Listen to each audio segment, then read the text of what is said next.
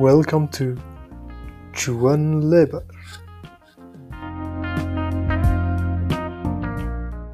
Oke, thank you udah gabung di podcast kita hari ini. Hari ini kita ada beberapa teman yang join ke podcast bahasan investasi dan saham kita. Kalau sebelumnya kita cuma berdua, gue sama Fauzan doang. Hari ini kita ada beberapa teman, ada tiga orang yang bakal join dan diskusi bareng nih. Mungkin kenalan satu-satu kali ya. Dari yang pertama kali join tadi ada Adrian. Kenalan singkat. Halo, Ad- nama Ad- gua Adri. Eh, ya udah investasi, bukan investasi ya, trading sih. Oke, Cuman akhir-akhir ini aja baru seriusnya gitu. oke. Eh, dari semenjak corona lah baru niat gitu. Gitu sih. Baru Baik. doang, belum yang lain. Baik, cool. Terus ada juga yang kedua tuh Wahyu. Kenalan singkat Wahyu. Halo, gue Wahyu. Dah, Iya. singkat. Oke. Jadi oke. Wahyu nih eh, juga in- main investasi saham juga ya, berarti ya. Ya iyalah, gue udah ke sini masa kagak gitu kan. Iya, gue baru mulai invest saham itu tahun 2018, cuman masih kecil-kecilan. Tapi baru serius nyoba-nyoba trading eh, pas pandemi ini sih. Oh, mantap. Oh ya.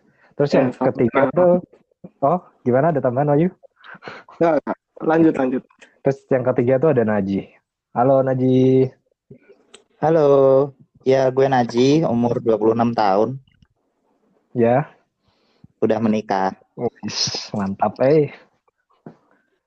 Ya, jadi kayak fun fact-nya tuh kita tuh masih seangkatan lah, 20-an semua gitu, anak-anak 20-an. Jadi kalau misalnya kemarin Fauzan ngobrol tuh ya generasi milenial kali ya, si Fauzan bilangnya mah.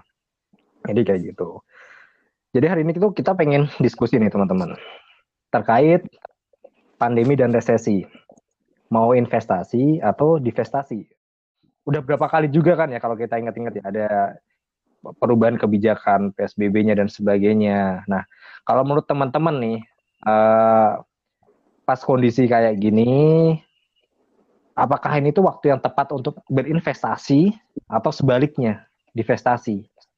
Ya, kalau menurut gue sih pas kemarin ada statement itu ya langsung kan saham sampai halt tuh pas hari apa Jumat ya. Jumat apa Kamis, Kamis kan.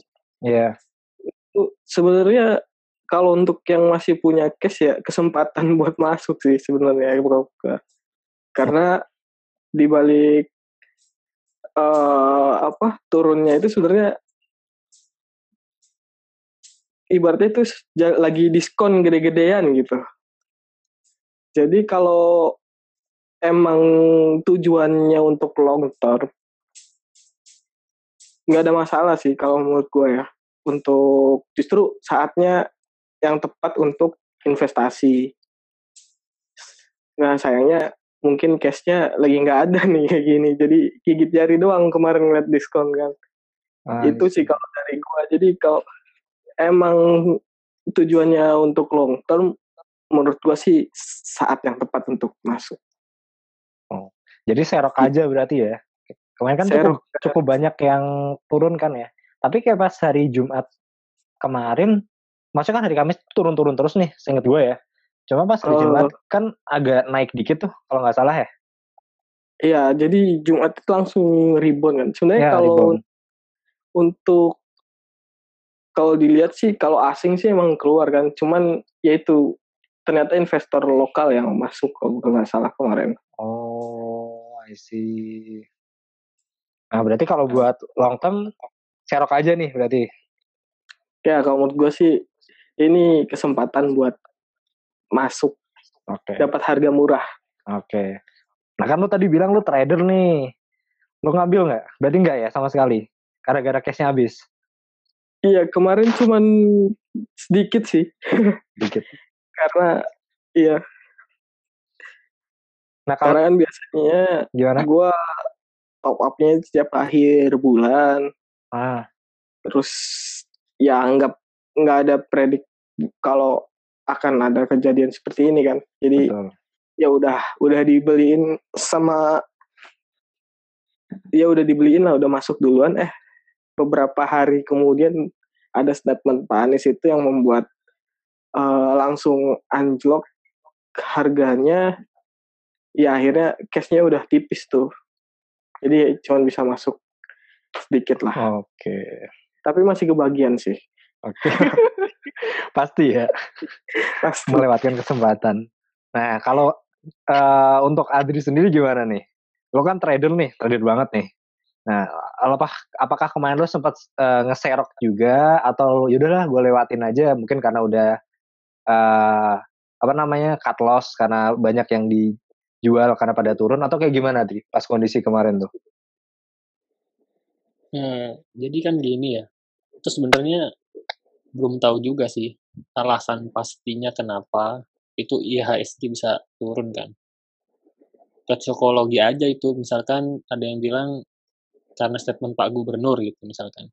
Hmm. Sebenarnya ada kaitannya sama ya isu-isu yang sebelumnya juga kayak Indonesia udah mengalami resesi gitu kan 99% kan ada yang bilang seperti itu.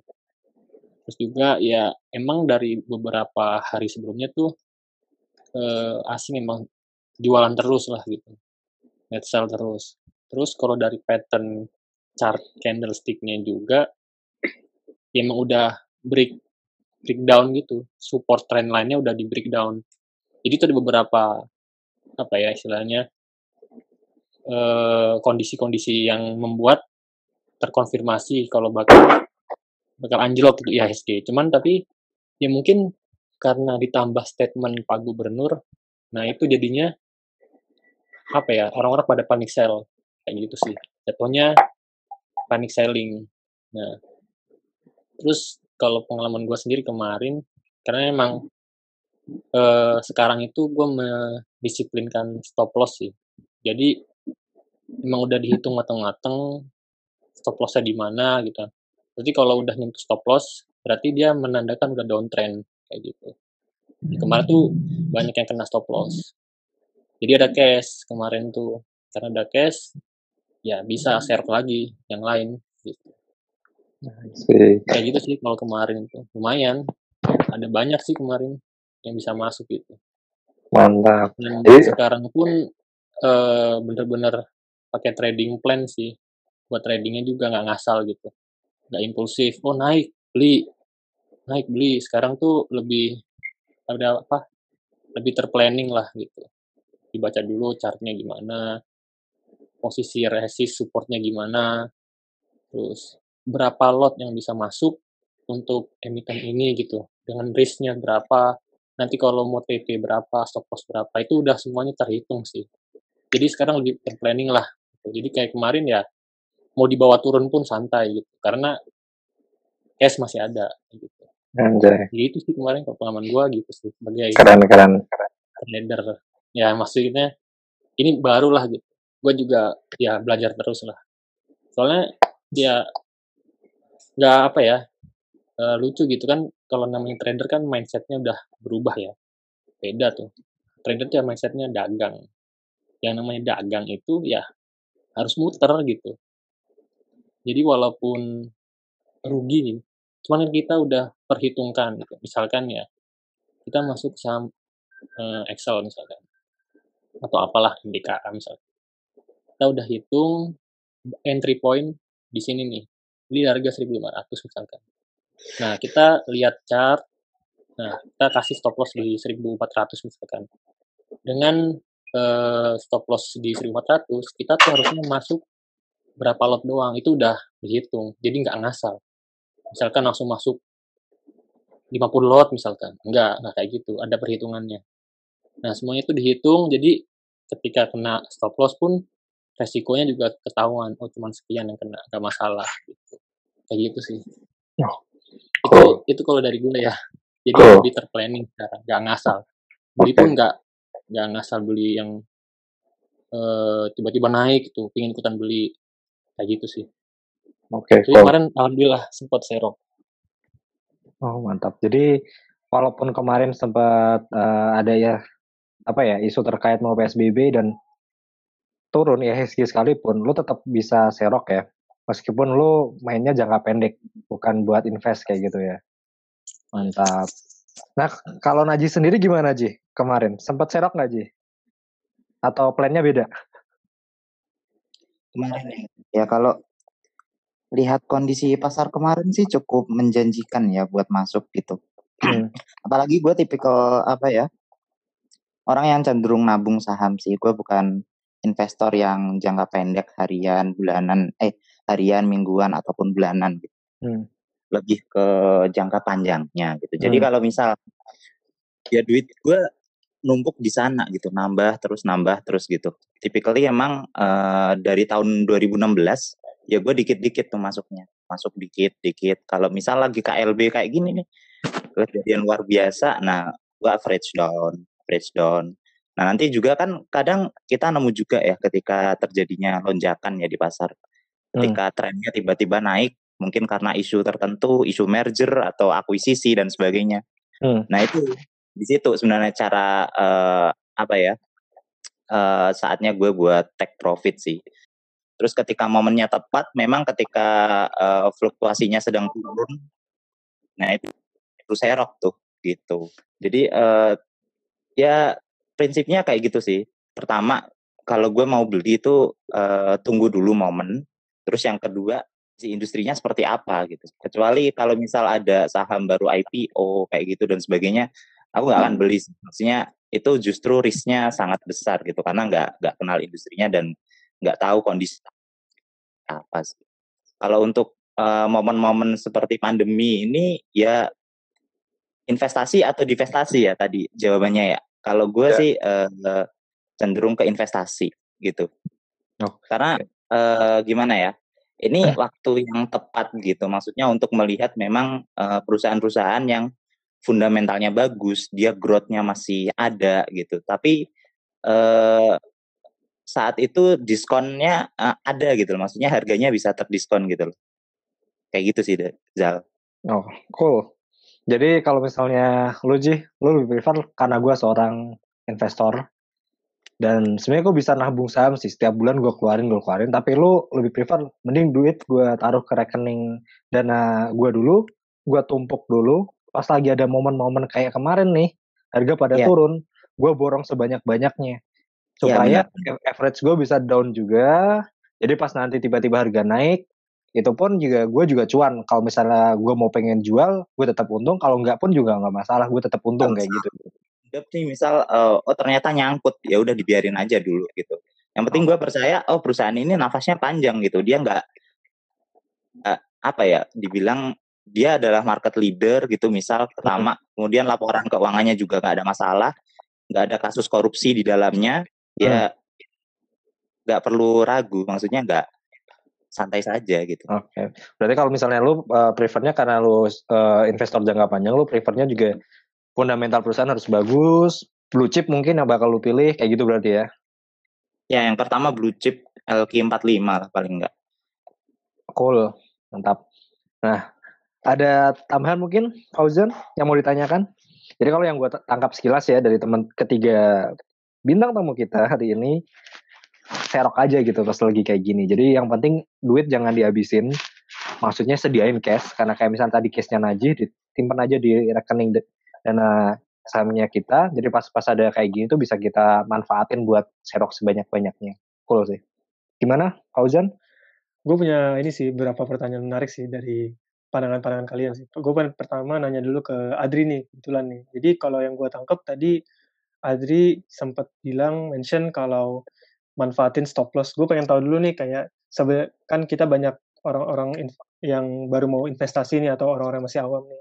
Sebenarnya stop loss itu apa sih Dri? Terus juga ini sih Dri, gue juga pengen tahu kalau yang gue tangkap tuh kayaknya lu mencoba untuk mengaplikasikan divestasi dan investasi dengan tempo yang berbeda-beda gitu dengan yang timingnya pas gitu. Nah, gue pengen tahu sih kayak gimana sih lu memperhitungkan hal itu jadi lu dapat cuan gitu. Oke, eh, untuk penjelasan stop loss sendiri sebenarnya ya itu istilah untuk meminimalisir loss gitu. Jadi ketika loss sebelum loss makin dalam kita stop. Itu kayak gitu sih. Ya simpelnya gitulah stop loss itu seperti itu.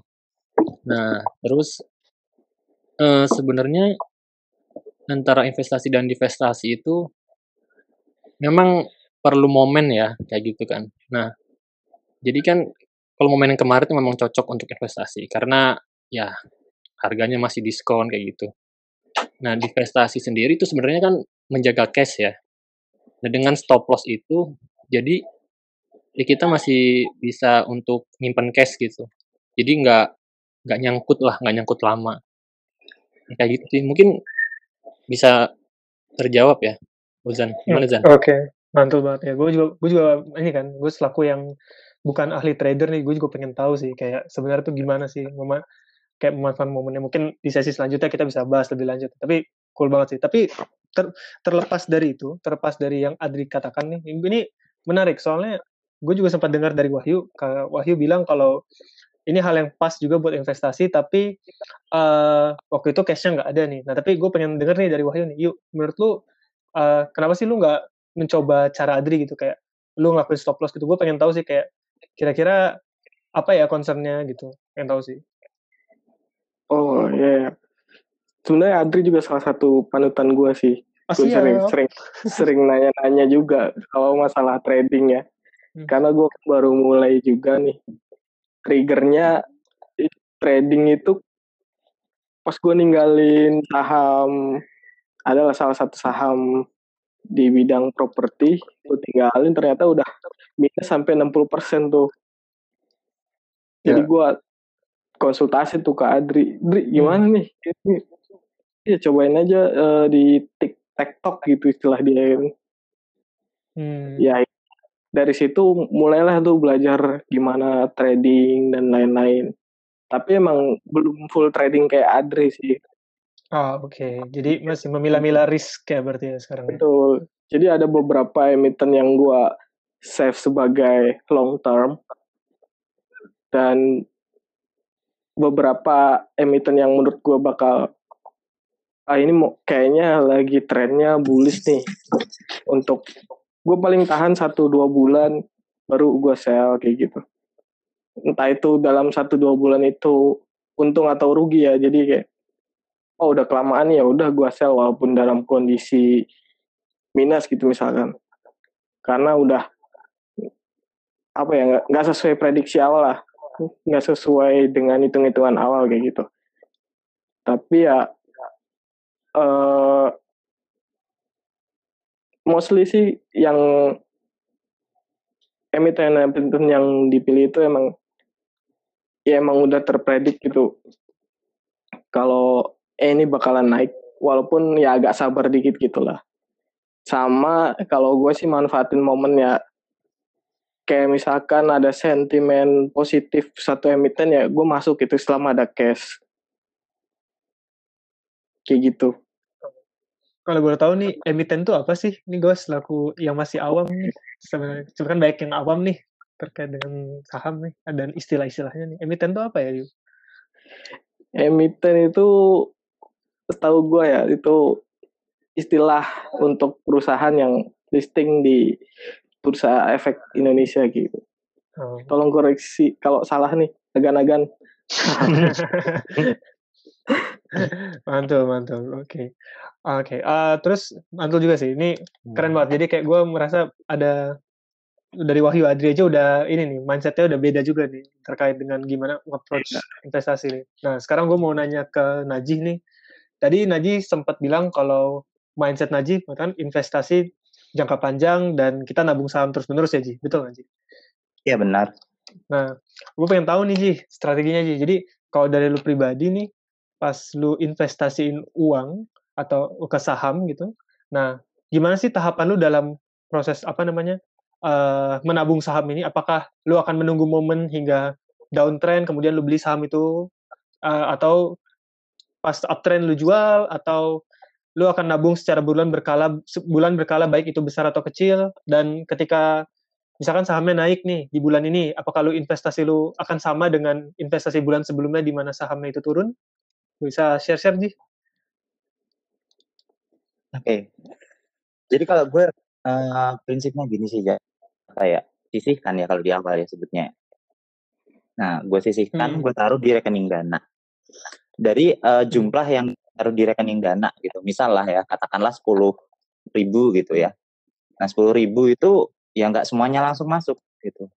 Tapi bertahap gitu. Sebagian sebagian masuk dengan melihat uh, di awal bulan tuh enak tuh. Maksudnya kelihatan nih emiten-emiten mana yang laku laris gitu. Karena kan orang baru pada gajian tuh biasanya kan pada beli memang di awal bulan misalnya atau di akhir-akhir bulan lah yang gajiannya di akhir.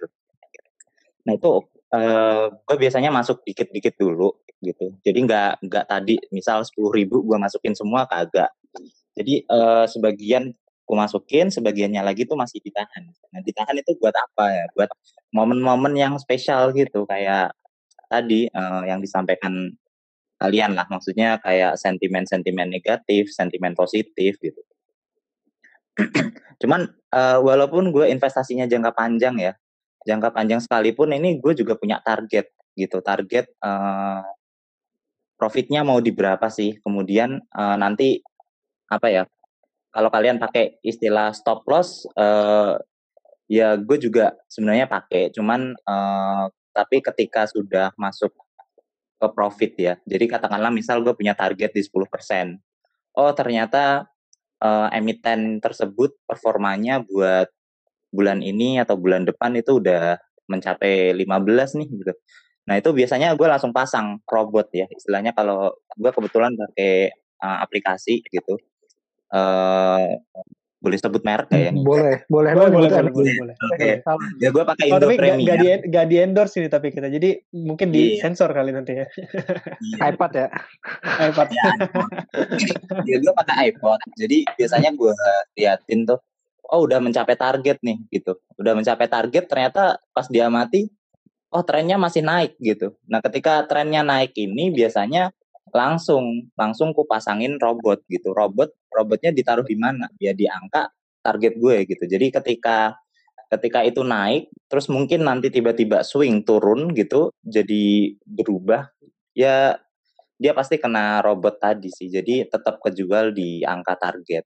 Dan kalau misal dia break lagi gitu naik, terus ya udah dibiarin aja gitu. Dan up, apa tuh ya? Robotnya itu pasti gue update gitu, berkala lah gitu.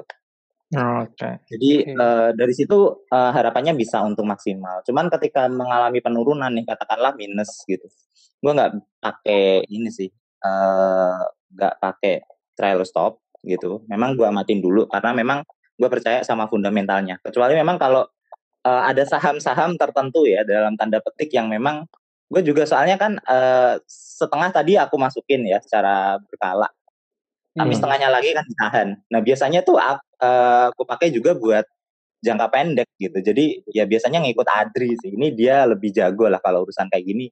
Eh, nanya-nanya ke dia lah gitu. Maksudnya emiten mana yang bagus nih buat jangka pendek gitu. Hari ini masuk besok udah cuan gitu. Nah itu ada cash, ada dana yang memang dialokasikan ke sana. I see.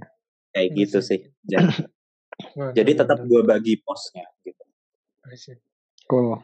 Cool, cool, cool. Um, Nah kalau Ya. minus gitu, terus eh, secara hitung-hitungan, oh ternyata bulan kemarin udah ada profit sekian nih, masuk akal dah nih buat buat di eh, apa ya stop loss gitu, buat dijual aja dengan nilai minus gitu. Selama itu masih menguntungkan, selama itu nggak nggak mengurangi asetku secara total ya kadang juga tetap kujual gitu karena butuh cashnya gitu kan di sini eh, apalagi pas kemarin awal-awal corona itu kerasa banget ya bahwa cash is the king lah pokoknya.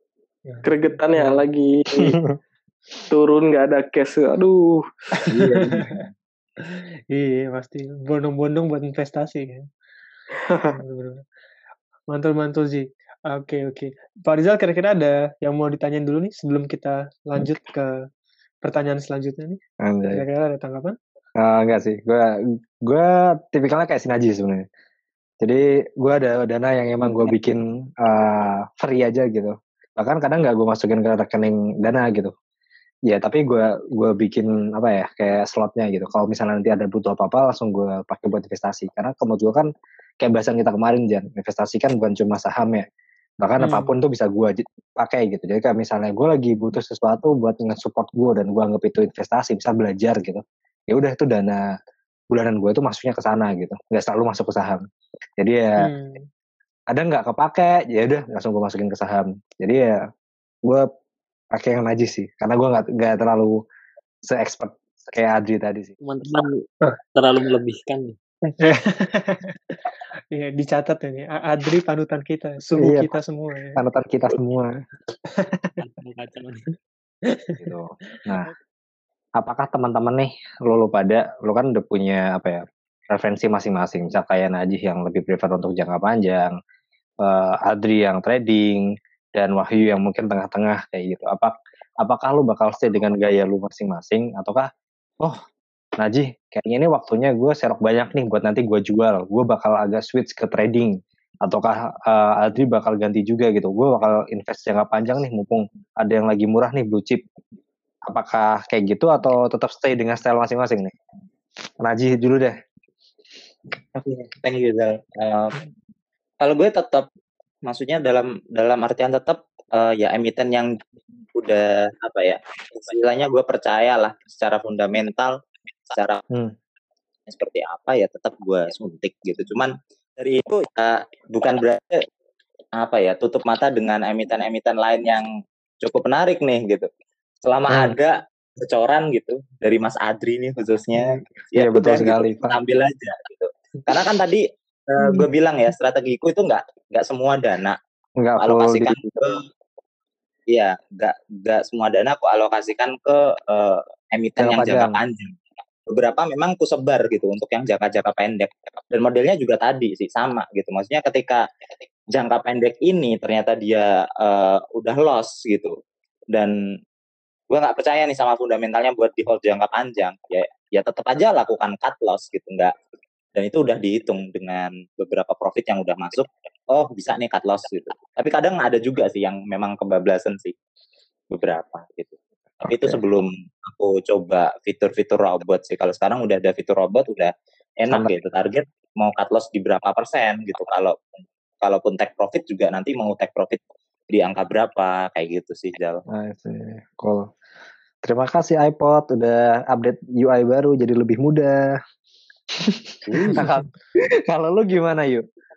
Eh, Apakah tetap dengan style yang sama atau eh, oh gue kayaknya borong banyak buat gue simpan buat invest jangka panjang nih? Atau gimana? Iya kok. Sebenarnya neracanya sekarang udah mulai banyak yang buat invest ya. Lagi investor mode kayaknya. Soalnya, sorry ya, gue potong bentar. Soalnya biasanya nih, kalau misalnya ada turun kayak gini nih, banyak trade, trader yang berubah jadi investor. Dadakan. Iya, iya benar-benar. Soalnya kan itu kesempatan buat average down ya untuk Iya, emiten yang emang kita pilih untuk long term gitu kan. betul. Tapi gue sendiri sebenarnya eh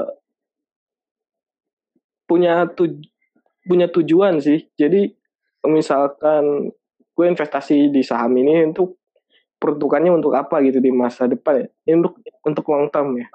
Hmm. Untuk long term gue eh, dalam jangka waktu lima tahun gue misalkan pengen beli sesuatu kayak gitu kan ya Hmm. uangnya sekarang masih belum dipakai nih jadi gue alokasiin ke uh, yaitu emiten-emiten yang long term itu Ah, I see. Kebayang, kebayang. sebagian gue tak gua tarik buat kita uh, buat di tradingin buat balikin modal yang itu yang boncos 60% itu Apa tuh? Apa tuh? sebutin aja PTPP waktu itu beli di Boleh. 2000 kan gua 2018 tuh invest buat tabungan nikah ya Nah, Nah, jadi pas waktunya gua cairin si PTPP ini udah mulai turun sih trennya. Jadi gue Oke. cairin eh, Telkom sama INDF lah waktu itu. Karena masih main bagus-bagus ya. Waktu itu. ya itu lumayan. Itu returnnya lumayan dan ya tercapai lah tujuan investasi gua kayak gitu. Jadi ya udahlah gue biarin si PTPP ini kan. Tahu-taunya udah nyungsep aja gitu ditambah pandemi lagi. Waduh, Waduh. Makin. makin makanya langsung kan konsultasi ke suhu Adri kan. Waduh. Adri tektok tektok tektok ya alhamdulillah sih dalam tiga bulan bisa balik tuh cuman ya akhirnya ketagihan juga tuh buat trading. ya kadang-kadang scalping kadang-kadang ya swing aja gitu Swing. sebulan sebulan Nah, tapi uh, tetap ada emiten yang emang gua alokasin buat tujuan jangka panjang gue itu sih Oke. Eh, sekilas nih, tadi lu nyebut kata scalping sama swing. Kayak gimana Oh, sih iya, iya. sebenarnya? Jelas. scalping itu lebih ke trading harian ya jadi gua beli pagi sore atau kalau udah targetnya tercapai gue jual lagi gitu. Misalkan Oke. kayak kemarin uh, ada apa tuh, enough ya? Hmm. RIF juga tuh kan langsung naiknya melejit banget gitu sampai arah gitu kan. Sampai menyentuh batas atas gitu kan. Hmm.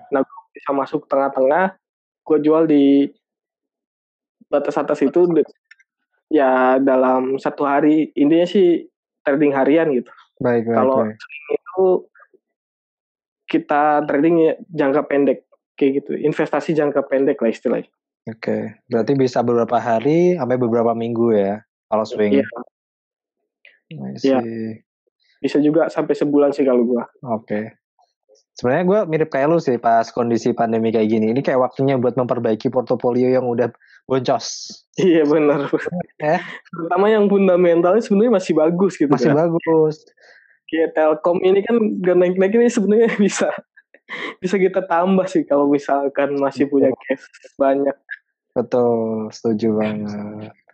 Nah kalau sekarang begini ya ke Adri. Nah kalau lu sendiri, Adri, apakah apa- kalau apakah tetap bakal stay dengan trading eh, jangka pendek? Karena kalau gue lihat tadi kan lu nyeritainnya udah prepare banget nih, well prepare banget nih.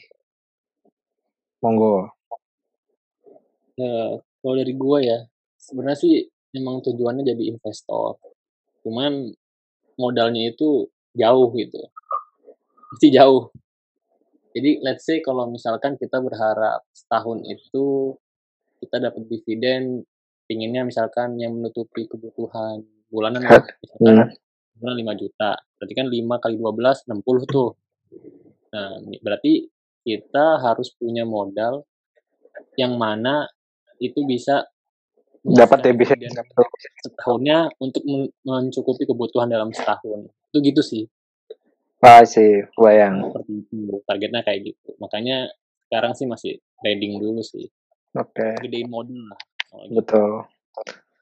Jadi karena ah, oke, mungkin kalau yang di yang gue tangkap dari Adri kalau memang invest invest ya, invest di saham buat jangka panjang, yang kita pengen dapat itu kan dividennya sebenarnya bagi hasilnya, bukan margin eh, sahamnya sendiri. Tapi kalau trading yang diambilkan marginnya ya kayak kita jualan. Sebenarnya kalau misalnya ngandelin dividen doang ya emang kalau modal kita nggak banyak ya dapatnya dikit gitu. Maksudnya nggak bakal nutupi kebutuhan sehari-hari juga kayak gitu. Gitu berarti Adri ya.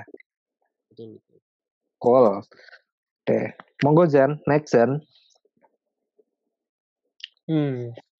tapi gue punya mindset yang berbeda sih tentang Gimana? itu sama Adri nih menarik nih menurut gue eh tetap eh, harus ada proses nabung dari sekarang sih. Soalnya kan IHSG dibandingin index-index lain masih tergolong murah kan ya. Sekarang masih 5000 gitu kan. Kalau kita nggak masuk eh, dari sekarang gitu, misalkan di saham-saham tertentu lah di perusahaan-perusahaan yang menurut kita oke gitu. Menurut gue tetap harus ada proses untuk nabung dikit-dikitnya di situ sih. Mungkin porsinya lebih besar di tradingnya gitu. Tapi untuk mulai investasinya menurut gua harusnya bisa sambil jalan dari sekarang juga gitu.